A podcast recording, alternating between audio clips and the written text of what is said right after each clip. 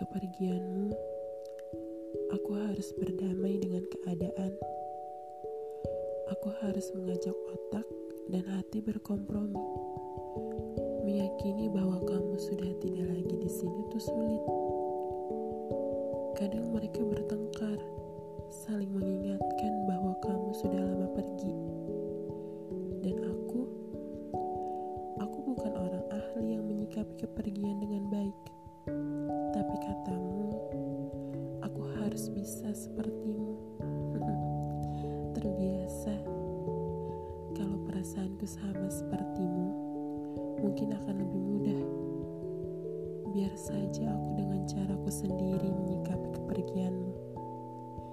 Dan kamu dengan cara kamu sendiri. Pesanku,